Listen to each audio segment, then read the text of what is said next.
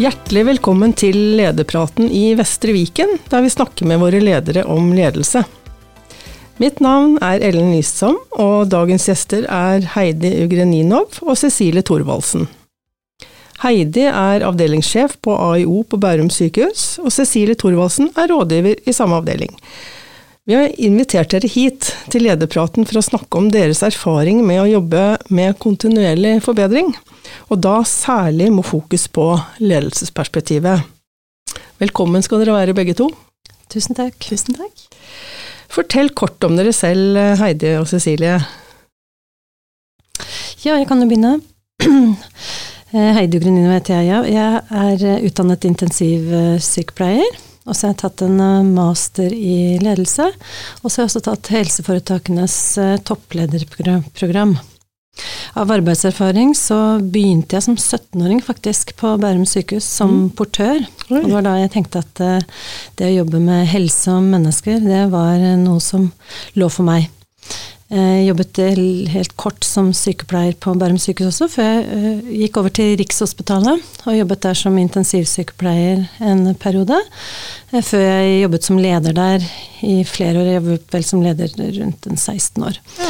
Jeg har også vært innom privat um, helsevesen og var daglig leder i et selskap som uh, drev med barnevern og psykiatri hovedsakelig, da. Og ja. Der lærte jeg masse. Og så gikk jeg tilbake igjen til eh, det offentlige helsevesenet. Og ja. så kom jeg til Bærum, for det er rett rundt hjørnet at det er tre år siden. Ja, flott. Eh, Cecilie, fortell kort om deg også. Ja, ehm, jeg er utdanna sykepleier og har eh, fra tidligere ca. åtte års erfaring som leder. Nå for tiden så holder jeg på, på med en masterutdanning i verdibasert ledelse. Ja. Um, min kliniske erfaring som sykepleier har jeg fra nyfødtintensiv i, i OS, på Rikshospitalet der. Uh, og det er der, derfor jeg òg har min ledererfaring. Ja. Uh, nå jobber jeg jo som rådgiver på Bærum sykehus. Har ansvaret og er prosjektleder for forbedring av operasjonsforløpet der. Mm -hmm. Og er jo nå òg forbedringsveileder og så vet jeg at dere brenner for kontinuerlig forbedring som metodikk, begge to. Um, og at du, eh, som du sa Cecilie, har jobbet uh, med metodikken tidligere og er utdannet veileder i regi av Vestre Viken. Før vi går i gang for å høre litt om det arbeidet dere har gjort, da, kan du kort si noe om prinsippene og hva denne metodikken innebærer? Altså, Eh, forbedringskunnskap eh, som metodikk, det, det, handler jo om å få ny kunnskap til, til, å bli en del av den daglige praksisen som vi driver i sykehuset. Eh, og her er jo det, det essensielle å få til et godt samspill mellom profesjonskunnskapen og, og forbedringskunnskap. Mm. Sykehus består jo av komplekse systemer og, og prosesser som er viktig eh, å forstå for å liksom kunne drive forbedringsarbeid fremover. Eh, man kan jo si at metodikken har fire hovedprinsipper. Mm. Det handler om å redusere uønskede variasjoner som observeres i prosesser over tid, og videre å forbedre disse resultatene til et ønska, eller forbedre sånn at man får resultater på et ønska nivå. Ja. Videre så handler det om å, å, sette et mål for arbeidet og erfare seg frem til gode løsninger gjennom å teste ut ulike forbedringstiltak eller forslag eller endringsideer. Eh, videre så er forståelse for hvordan medarbeidere påvirkes av endringer, og hva som motiverer de til å gjennomføre nødvendige endringer, et viktig prinsipp for at man skal lykkes med forbedringsarbeid. Mm. Eh, og det er jo sånn at eh, både ledere og forbedringsveiledere de kan jo oppleve gjerne sterk motstand eh, fra dyktige kunnskapsmedarbeidere, og, medarbeidere sjøl kan oppleve høyt arbeidspress, høye krav fra pasienter og pårørende, og de stiller jo òg ofte høye krav til seg mm. sjøl og sine egne profesjonsverdier. Mm. Og det er jo nettopp kompleksiteten i dette, sånn at det er viktig at vi som ledere av forbedringsarbeid forstår. Eh, og det er jo nettopp nødvendigheten av dette ledelsesperspektivet som, som kanskje meg og Heidi brenner for begge to, da. Ja. Mm. Spennende å høre mer om. Mm. Um, og så forstår jeg i forbedringsmetodikk så er det ganske sånn definerte uh, faser. Kan du sånn veldig kort si noe om de ulike fasene i mm. et forbedringsarbeid? Mm. Jeg skal prøve å være kort. Det er jo veldig gøy å prate om dette. Det. Eh, Men eh, vi, eh, hos oss har jo vi jobba med, med forbedring av operasjonsforløpet, som, som er et større program eller et større prosjekt som vi har knytta flere mindre forbedringsarbeid Riktig. til. Ja. og det som har vært viktig der, spesielt i forhold til forbedring av operasjonsforløpet, var jo nettopp dette med å forstå kompleksiteten og forstå hva slags oppdrag er det vi står overfor her. Eh, det å gjøre grundige undersøkelser rundt problemstillingen, er det virkelig en utfordring, og hva for noen gevinster er det ønskelig å oppnå? Og ikke minst er det viktig, er dette en utfordring for pasienten? Er det for medarbeiderne våre, eller er det, som, er det for sykehuset som organisasjon? Eh, neste fase blir jo da å, å kartlegge interessenter og, og, sette sammen et forbedringsteam, eh, både som er tverrfaglig og representativt. Mm. Eh, og her er det jo viktig at teamet må ha avsatt tid til å møtes, og at deltakelse er forankra hos ledergruppen, da. Mm. Og, og sammen med teamet så blir jo neste fase å sette et klart og tydelig mål for arbeidet, og videre definere ulike måleparametere, sånn at vi kan ta tempen på underveis at er det, er det forbedringer vi jobber med, fører det til noe Mm. endring, og i hvilken retning Ja. hører det til. Eh, videre så, blir det, så er jo neste fase å identifisere og prioritere aktuelle tiltak, og ikke minst teste ut tiltakene i den lokale tekst, konteksten som Mm. vi jobber i. Og helt konkret da så er jo det å teste ut ting på operasjonsstua, Ja. eller i de avdelingene det er nødvendig å, å få gjort det. Eh, Og når tiltakene er testa, så er neste fase å implementere ønskede endringer. Altså gjøre tiltakene om til våre nye faste rutiner. Det er jo det som er målet vårt. Mm. Eh, Siste fase er jo oppfølging, og det er jo kanskje Altså Man skal ikke undervurdere den fasen, for det er en krevende fase. Det innebærer jo også å gjøre en god evaluering, eller man har behov for å gjøre eh, justeringer, men rett og slett følge opp at vi, vi forholder oss til den nye måten vi har sammen bestemt at vi skal jobbe på. Riktig. Ja, men da har jeg sånn fått et innblikk i disse fasene, så får vi Ja. høre litt mer om hvordan dere praktisk jobbet med dette. Da. Eh, og så sa du at dere har jobbet med forbedring av operasjonsforløpet. Eh, hva, hva var liksom utgangspunktet for, for akkurat dette forbedringsarbeidet, Heidi? Hva, hva ønsket dere spesifikt å, å forbedre? Helt konkret så var utgangspunktet at eh, AIO på Bærum sykehus var kommet i en eh, veldig vanskelig situasjon. Med ganske dårlige arbeidsforhold for flere av seksjonene. Det var vanskelig å rekruttere medarbeidere. Eh, Det ble gjennomført en undersøkelse i regi av O-avdelingen i Vestre Viken som viste at eh, en av faktorene som gjorde at det var vanskelig å være medarbeider på AIO på den tiden her, var plunder og heft eh, i operasjonsavdelingen. Mm. Ved siden av at det var mangel på de riktige fagfolkene, da. Sånn at når jeg eh, begynte for snart tre år siden, så fikk jeg det som en av de første oppgavene, eh, for ikke siden aller første oppgaven, av klinikkdirektøren Trine Olsen, at vi måtte gå i gang med et eh, forbedringsarbeid på eh, AIO for å komme ut av denne vanskelige situasjonen, da. Ja. Eh, Så da tok vi tak i det eh, i løpet av veldig kort tid. Ja. Mm. Eh, og hva var det du så i avdelingen? Hva som preget eh, avdelingen da, med tanke på liksom, arbeidsprosesser, samhandling, arbeidsmiljø? Hva, hva så du?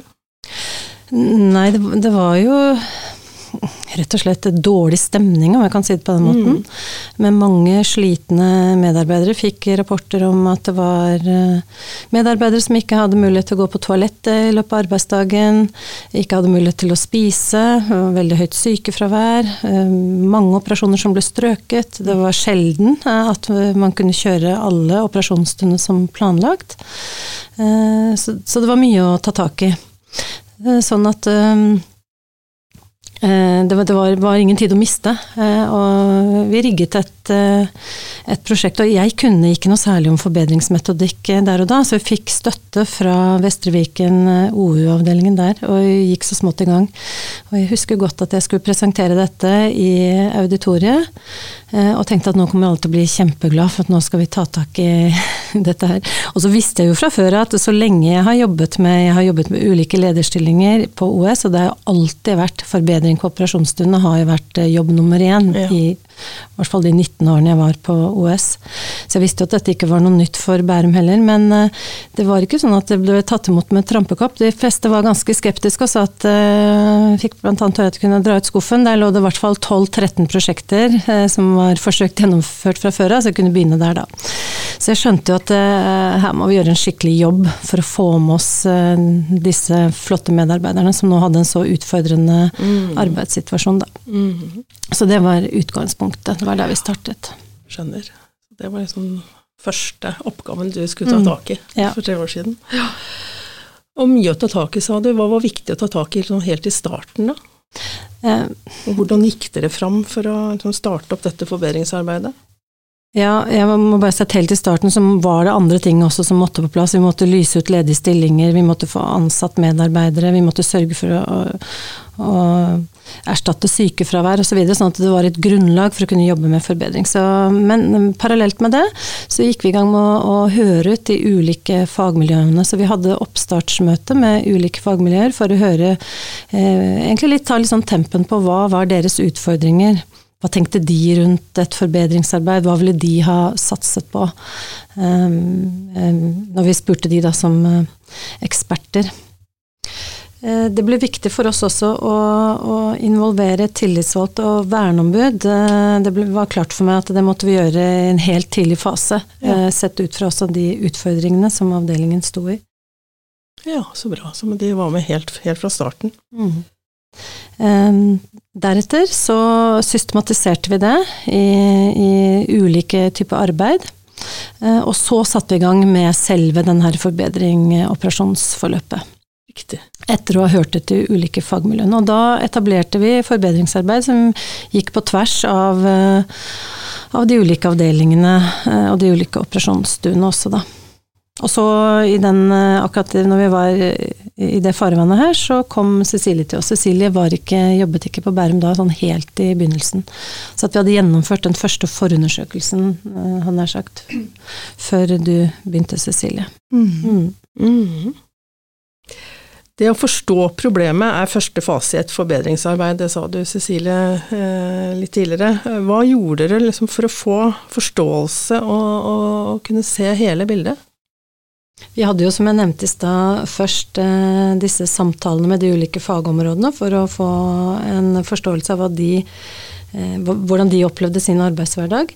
Deretter så gjennomførte vi et eh, dagseminar, en workshop, eh, kanskje jeg kan kalle det kickoff faktisk, eh, hvor vi reiste ut fra sykehuset eh, og hadde også med klinikkdirektøren, som jo har vært veldig viktig i dette arbeidet.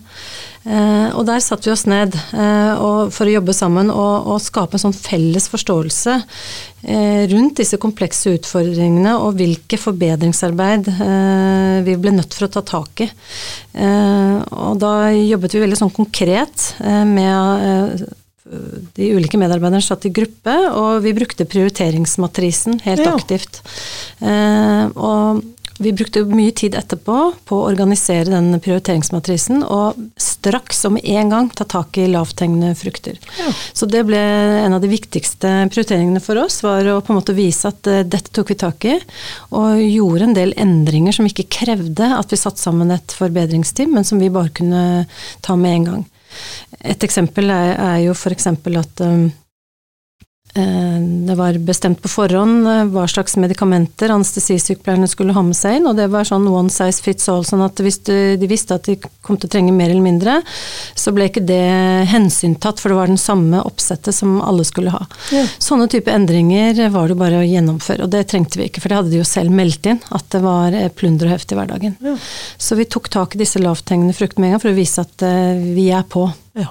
Og deretter så identifiserte vi de andre forbedringsarbeidene og satt sammen team og begynte å jobbe ut fra eh, det vi hadde fått tilbakemelding om. Så det var ingenting av dette var våre egne ideer. Alt vi jobbet med, hadde vi fått fra fagfolka våre som hadde pekt på det. Mm. Eh, og denne eh, Workshopen var jo så produktiv at det var jo masse arbeider som vi så at kunne vente litt, og som vi ikke hadde tid å prioritere med en gang. Og det la vi en sånn eh, bank, faktisk. Eh, en bank hvor vi hadde ideer til forbedringsarbeid, som bl.a. listene våre kan eh, hente ut av hvis de trenger en idé til forbedringsarbeid som de jobber med, for det er jo et læringsmål for LIS nå, er jo å gjennomføre et forbedringsarbeid.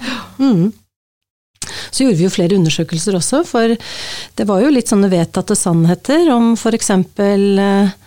Eh, hvem sin skyld det var at eh, ting kunne ta tid på operasjonsstua. Da var det jo en, eh, ofte gjenganger ved at det var renhold som var treg, eller det var operatørene sin skyld. Så vi gjennomførte en eh, undersøkelse Eh, observerte. Hva var det som var årsaken til forsinkelse på operasjonsstua? Og da ble vi litt overrasket, eh, mange av oss, for det var ikke nødvendigvis sånn som eh, medarbeiderne våre hadde oppfattet det. Det var andre årsaker som var helt naturlige, og som noen kunne vi gjøre noe med, andre kunne vi ikke gjøre noe med. Og det satt vi inn i, eller Cecilie da jobbet med det, satt inn i et Pareto-diagram. Så vi kunne illustrere det for medarbeiderne våre. Mm. Ja, og hva er et Pareto-diagram? Et Pareto-diagram er en visuell fremstilling av eh, ulike årsaker i dette tilfellet, da, og hyppigheten av årsakene. Så at man enkelt kan identifisere hvilken årsak som er den hyppigste. Akkurat. Og så kan man iverksette tiltak eh, ut fra det. Flott. Og igjen uh, annen fase, neste fase i kontinuerlig forbedringsmetodikk, er det å sette sammen teamet. Hvordan gjorde dere det? Ja, altså vi starta jo med å, å, legge stor vekt på lederinvolvering når vi, når vi så på teamene våre. Uh, og vi jobber jo på tvers av avdelinger i hele sykehuset, eller hele sykehuset er jo involvert uh, og forankra inn i de uh, ulike arbeidene. Mm. Eh, så, så, det var viktig for oss å ikke bare jobbe i en matrise på tvers, men, men faktisk involvere med at eh, lederne i noen forbedringsarbeid, så er de fullverdige medlemmer av forbedringsteamene. Ja. Um, eller vi gir de rett og slett ansvar for å peke ut eh, kandidater eller medarbeidere som skal være med i forbedringsteam. Uh, og på den måten så kan ingen si at dette dette har jeg ikke kjennskap til, eller her har jeg ikke vært involvert. Mm. Um, eller dette har jeg ikke vært med på. Mm. Så, um, så, vi tenker jo at det nesten, altså uten denne forankringen, så er det umulig å, å gjennomføre, rett og slett. Mm. Ja. Så det, det, vil jeg si kanskje er det viktigste med når man skal etablere et team. Ja. Mm. Lederforankring. Ja.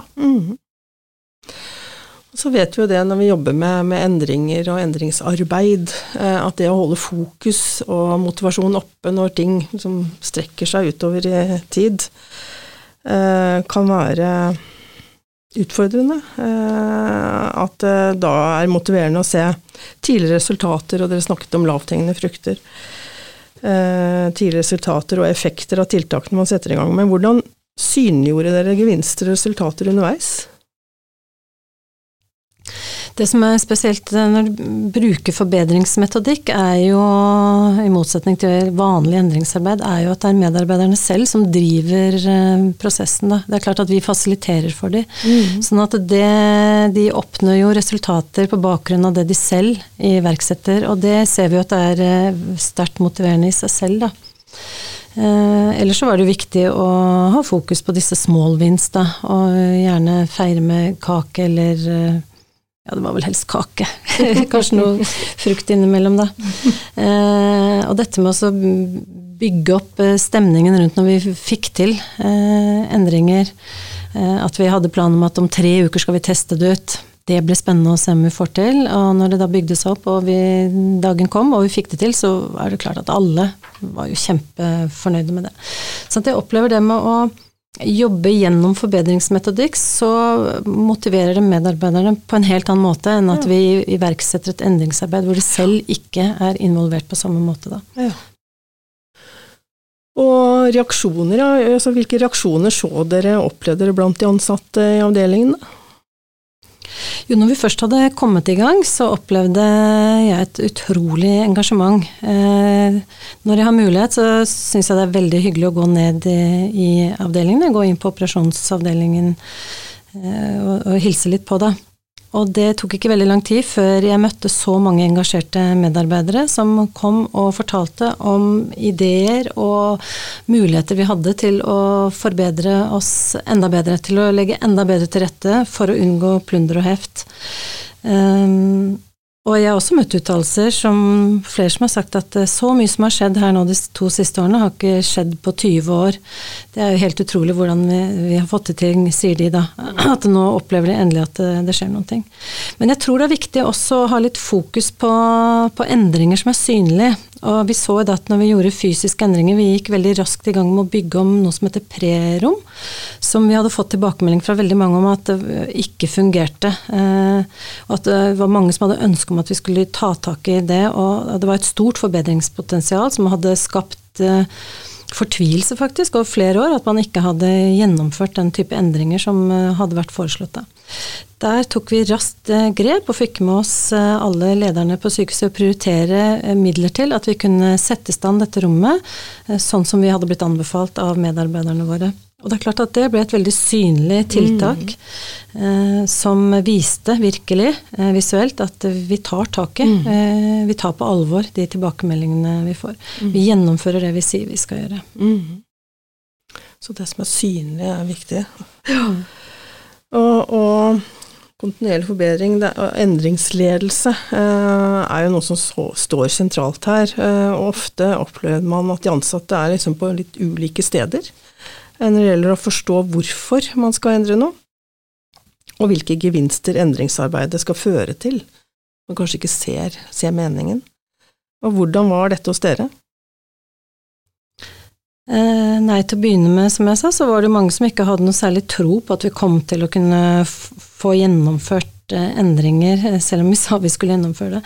Og så har jeg lyst til å si noe om at den endring og endringsledelse, sånn som jeg tenkte rundt det før, mm. Eh, sånn tenker ikke jeg lenger. Jeg har faktisk tatt endringsledelse som fag på BI og pugget Levin og Cotter og, og, og, på en måte tenkt at eh, den teorien er den vi skal bruke når vi jobber med endring. Nå tvert imot så tenker jeg at det er gammeldags. Man kan ikke bruke den type teori inn i moderne organisasjoner. Vi jobber med kunnskapsarbeidere som i seg selv innehar en stor kunnskap og egendrive til å gjennomføre endringer. Eh, sånn at eh, disse første punktene, i hvert fall, i Kotter sin f.eks. endringsteori, det hører ikke hjemme i en moderne organisasjon. Eh, man snakker hele tiden om at man skal snakke ned i organisasjonen, skape burning platform osv. Mm.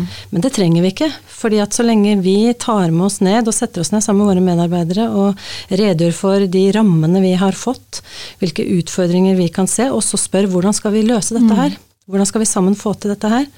så kommer endringene nedenfra opp, og det er da vi får gjennomført uh, endringer. For det er jo ikke sånn, har jeg erkjent, at jeg eller andre på mitt nivå sitter med den kunnskapen. Det er det kunnskapsarbeiderne, det er det medarbeiderne våre som gjør. Så endringene må komme nedenfra. Ja. ja.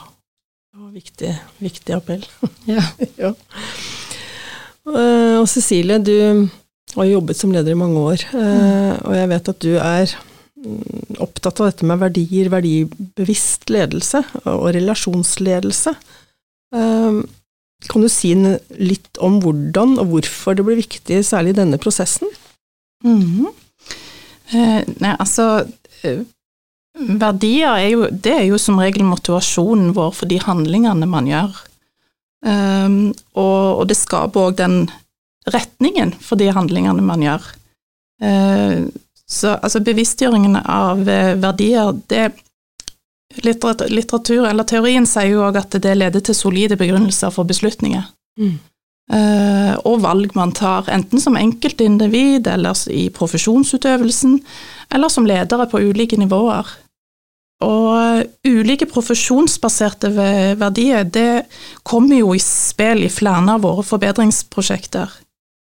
Eh, og i ledelse av forbedringsarbeid så, så, har vi erfart at det kan være klokt å identifisere ulike verdier blant profesjonene, Rett og slett for å skape en større forståelse for eh, hverandres arbeidshverdag.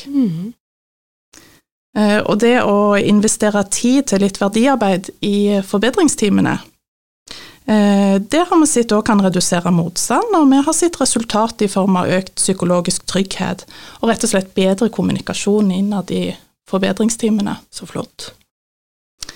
Um, vi avdekker jo òg verdikonflikter, eh, og det hjelper oss jo at vi nå kan jobbe konstruktivt med å løse disse. Eh, og at profesjonene har en større respekt og forståelse for hverandre i, i rett og slett det å finne løsninger mm. til hvordan kan vi sammen finne, eller rett og slett finne felles mål og retning. Ja. Eh, Så, så jeg mener jo det at det er verdifullt å bruke tid på eh, spesielt, bruke tid på verdiarbeid, spesielt når vi jobber med disse komplekse eh, utfordringene eller endringsarbeidene som vi gjør. Eh, og vi har jo erfart at det nytter liksom ikke bare å rushe av gårde uh, i vår iver etter å nå en målsetting, uh, men rett og slett noen ganger så, så må vi ta en fot i bakken og ja, litt tilbake til start, rett og slett. Har vi, har vi faktisk forstått behovet for endringen nå, eller er det behov for å endre kurs for at vi skal nå målet? Og det er jo forebyggende for motstand. Ja, ikke sant. Og forebyggende mot motstand, men, men eh, var det likevel eh, noe motstand der, og eventuelt eh, hvordan håndterte dere det? Det er klart, man møter jo, man møter jo på motstand, men, men jeg tenker jo det at Og, og motstand er jo ofte litt sånn negativt lada, men det, det tenker jo jeg at det trenger det ikke nødvendigvis være. Motstand kan òg være noe positivt. Og i hvert fall når man tenker motstand inn i dette arbeidet med forbedringsarbeid, så, så tenker jeg jo at motstand eh, tvert imot oss, eh, kan gi oss nyttig informasjon. Mm. Um, så det vi gjorde når vi møtte motstand i våre arbeid, så, så, så går vi, gikk vi en runde til, eller vi går alltid, alltid en runde til. Vi må liksom finne ut hvorfor. Hvorfor er det motstand her? Mm. Um, og er dette, betyr motstand, er det risikofaktorer vi har oversett, Ja. eksempel? Eh, vi har jo alltid risikobriller på oss når vi jobber med forbedring. Mm. Eh, og, mm, og stille spørsmål om føreendringen. er det føreendringene vi tenker på nå til merbelastning for, for medarbeiderne våre?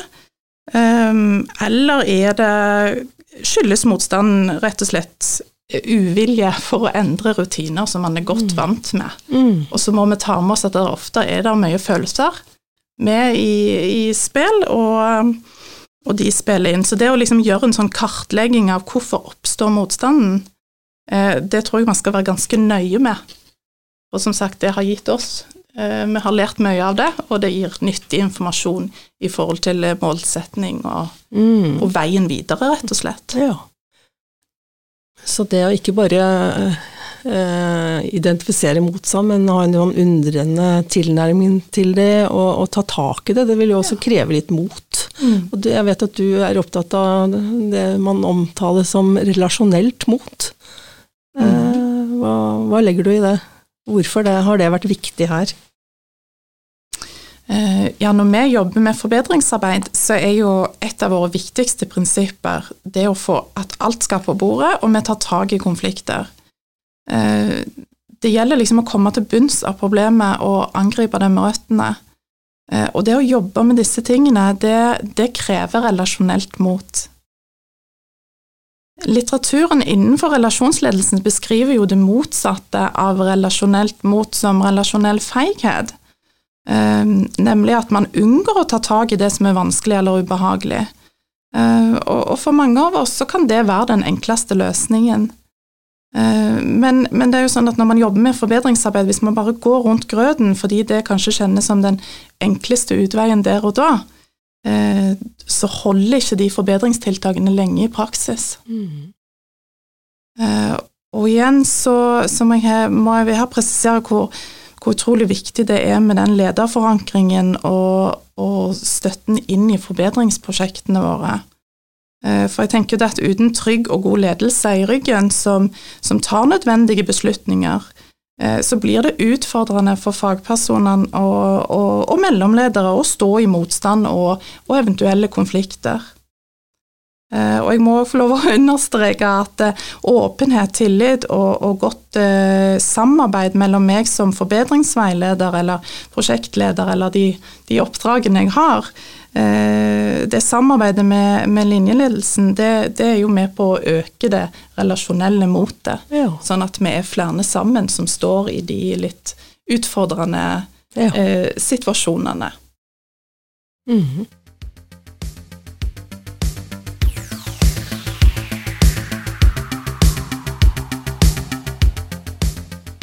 Hvilke effekter er det dere har eh, sett så langt, eller hvilke resultater har dere sett?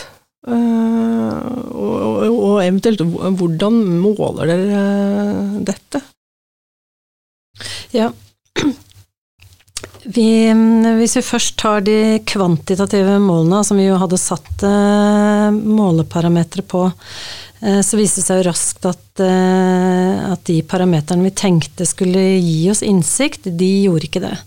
Eh, sånn at dette med å måle f.eks. et måleverktøy, som jeg tror sikkert alle operasjonsavdelingene i Vestre Viken bruker, er å se på utnyttet stuetid. Altså hvor mye er en operasjonsstue i bruk i løpet av en dag. Og det er klart at det enkleste for å få en høy score på det, er å bruke veldig lang tid på operasjonene. For da får du veldig høy utnyttelsesgrad. Så vi så at når vi begynte å legge om arbeidsprosessene og, og, kanskje hadde flere inngrep, så falt jo utnyttelsesgraden, fordi det nødvendigvis var pasienter som skulle inn og ut av stue, og det ble jo byttetid. Så det, dette med å få veldig sånn gode måleparametere, som faktisk er en viktig del i forbedringsmetodikken, det har vært litt utfordrende for oss. Så vi jobber fortsatt med å se på hvilke måleindikatorer skal vi bruke. Men hvis vi ser helt eh, kvantitativt på det nå, så ser vi at vi, vi behandler flere pasienter eh, i årene nå etter at vi begynte med forbedringsarbeidet, enn det vi gjorde i året før. Og det er gjerne 2019 da, som er gullåret for å måle eh, alt mulig. Og, og, vi også måler våre eh, antall operasjoner opp mot 2019, og der ser vi at vi har en økning, da. Men jeg vil si at det aller viktigste, viktigste effekten eh, vi har eh, fått, det er engasjement, motivasjon og medarbeiderskap hos eh, medarbeiderne våre. Det er et helt annet klima for å, å, jobbe med endring nå enn det det var tidligere. Og vi ser også at, det, at samhandlingen er, er, noe helt annet enn hva det var tidligere. Dette med å jobbe inn i siloer, det tror jeg knapt vi gjør, det må være hvis det er et eh, fagmiljø som fortsatt ikke har vært med inn i noen av forbedringsarbeidet. Men dette med å jobbe sammen og være, eh, jobbe i team, det er helt annerledes enn hva det var tidligere.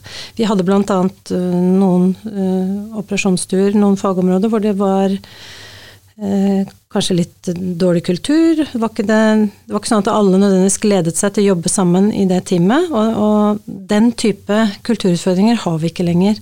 Eh, jeg får stadig tilbakemelding om at det er så bra kultur, det er så bra teamwork, at folk gleder seg til å gå på jobb. Og ikke minst de som har jobbet der lenge, f.eks. operatører også, sier at den eh, opplevelsen er å komme inn på operasjonsstua nå på Bærum sykehus, er noe helt annet enn det var for noen år siden. Og, og at folk er eh, hvis, hvis, man kommer med en idé, så sier alle, hvem det måtte være, at ja, men det får vi helt sikkert til. Og dette får vi helt sikkert til. Det er det er ikke sånn som man ser for seg at eh, hvis man sier til fagfolk, kunnskapsarbeidere, at vi må gjøre en endring, at de sier at da må vi ha flere folk, f.eks. Det er jo en sånn eh, visshet som noen kan hevde. Eh, sånn er det ikke, i hvert fall ikke hos oss. Mm. Der er engasjement og motivasjon at dette får vi helt sikkert til. Mm. Og det er en stor endring som er særdeles viktig, og som ikke er mulig å måle på samme måte som disse kvantitative målene som mm. går på f.eks. utnyttet stuetid. Da. Og det å endre en kultur, eh, det tar tid. Eh, men jeg hører at dere har fått til det på en veldig god måte, og som eh, også vil danne grunnlag for et godt forbedringsarbeid videre.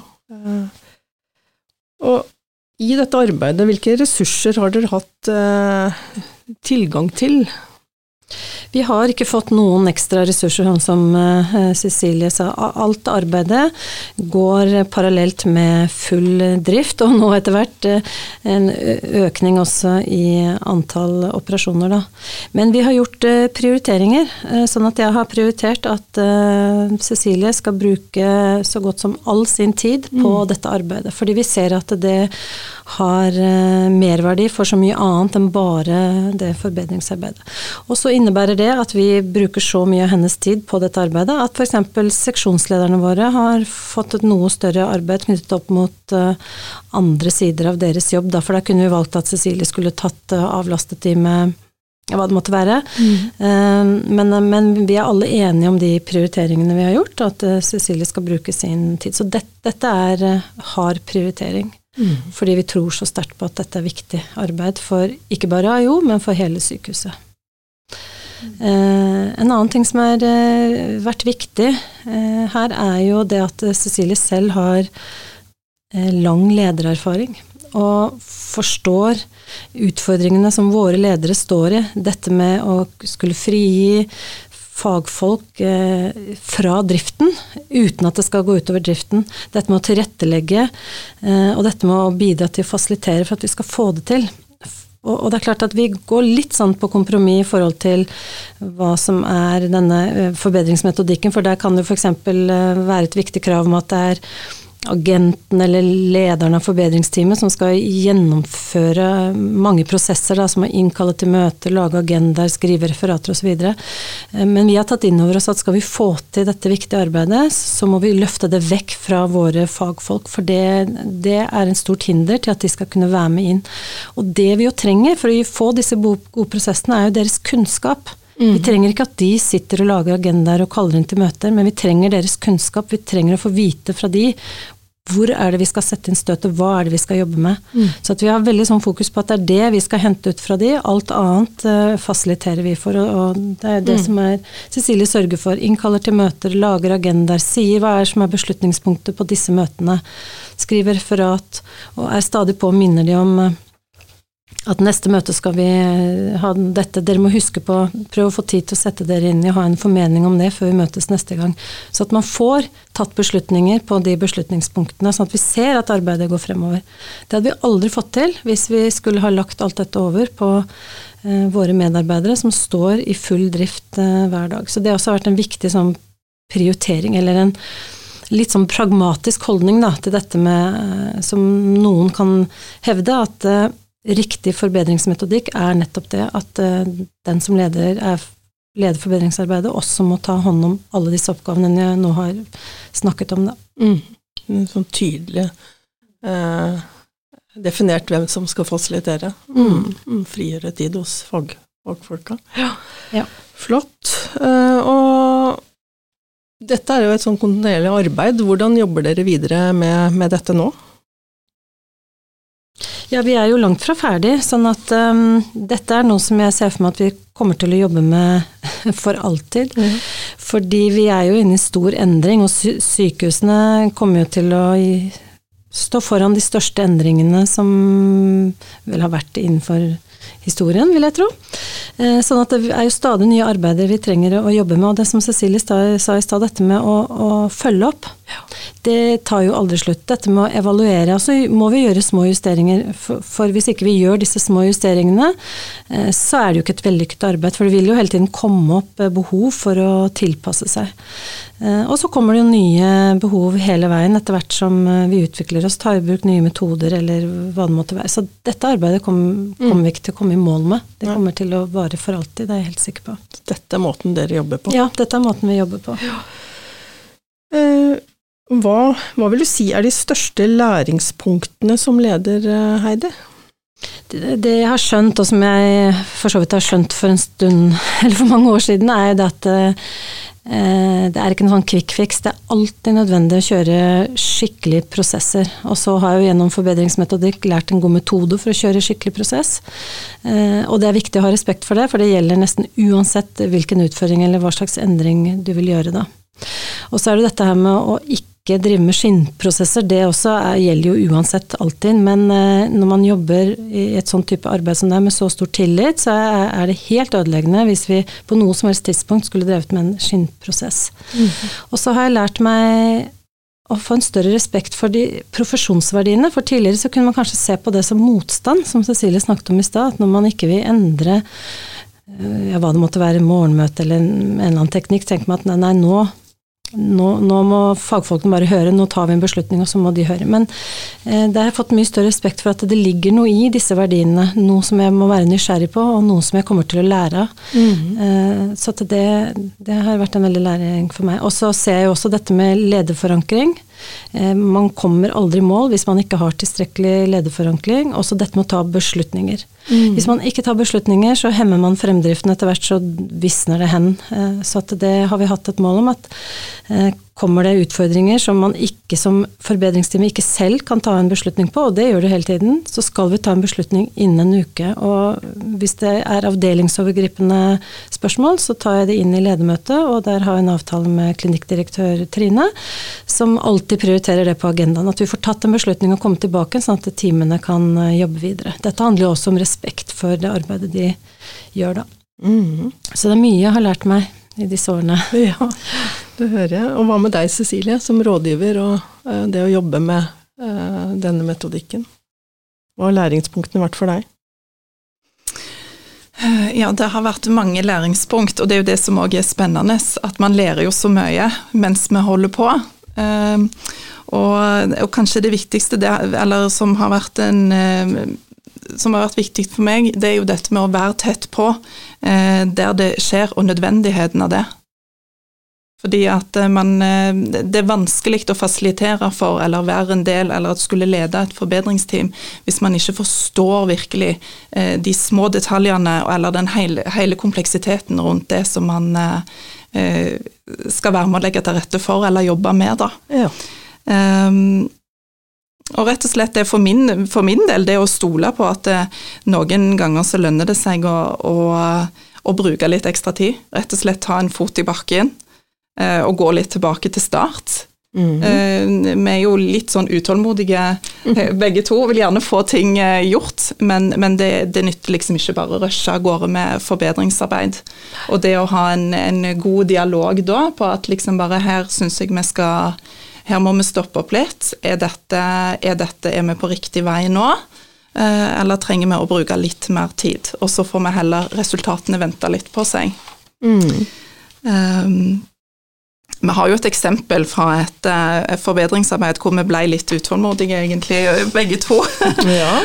og, og, vi gikk ganske sånn hardt ut med det som vi som, som ledere hadde oppfatta som var de viktigste endringsideene.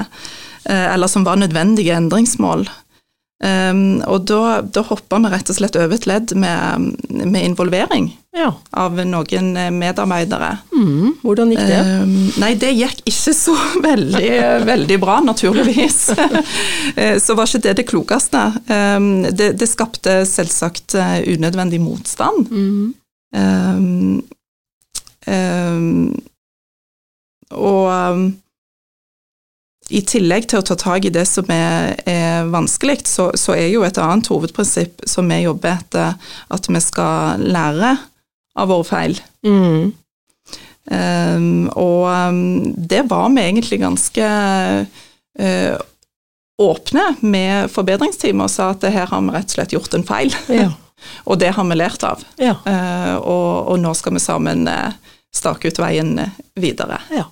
Så, og jeg tenker det er jo òg viktig eh, å erkjenne eh, når man kanskje har eh, tatt noen valg som ikke var like kloke, at det er lov å si at her har vi gjort feil, og så starte litt på nytt. Ja, jeg er med på å bygge tillit.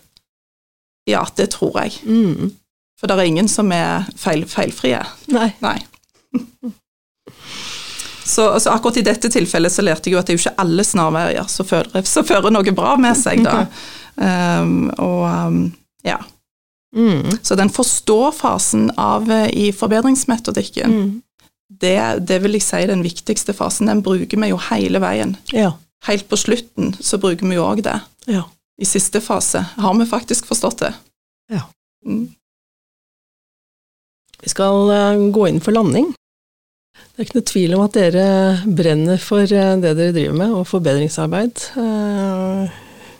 Eh, tusen takk for at dere tok turen til lederpraten, Heidi og Cecilie, og lykke til med det videre arbeidet på AIO på Bærum.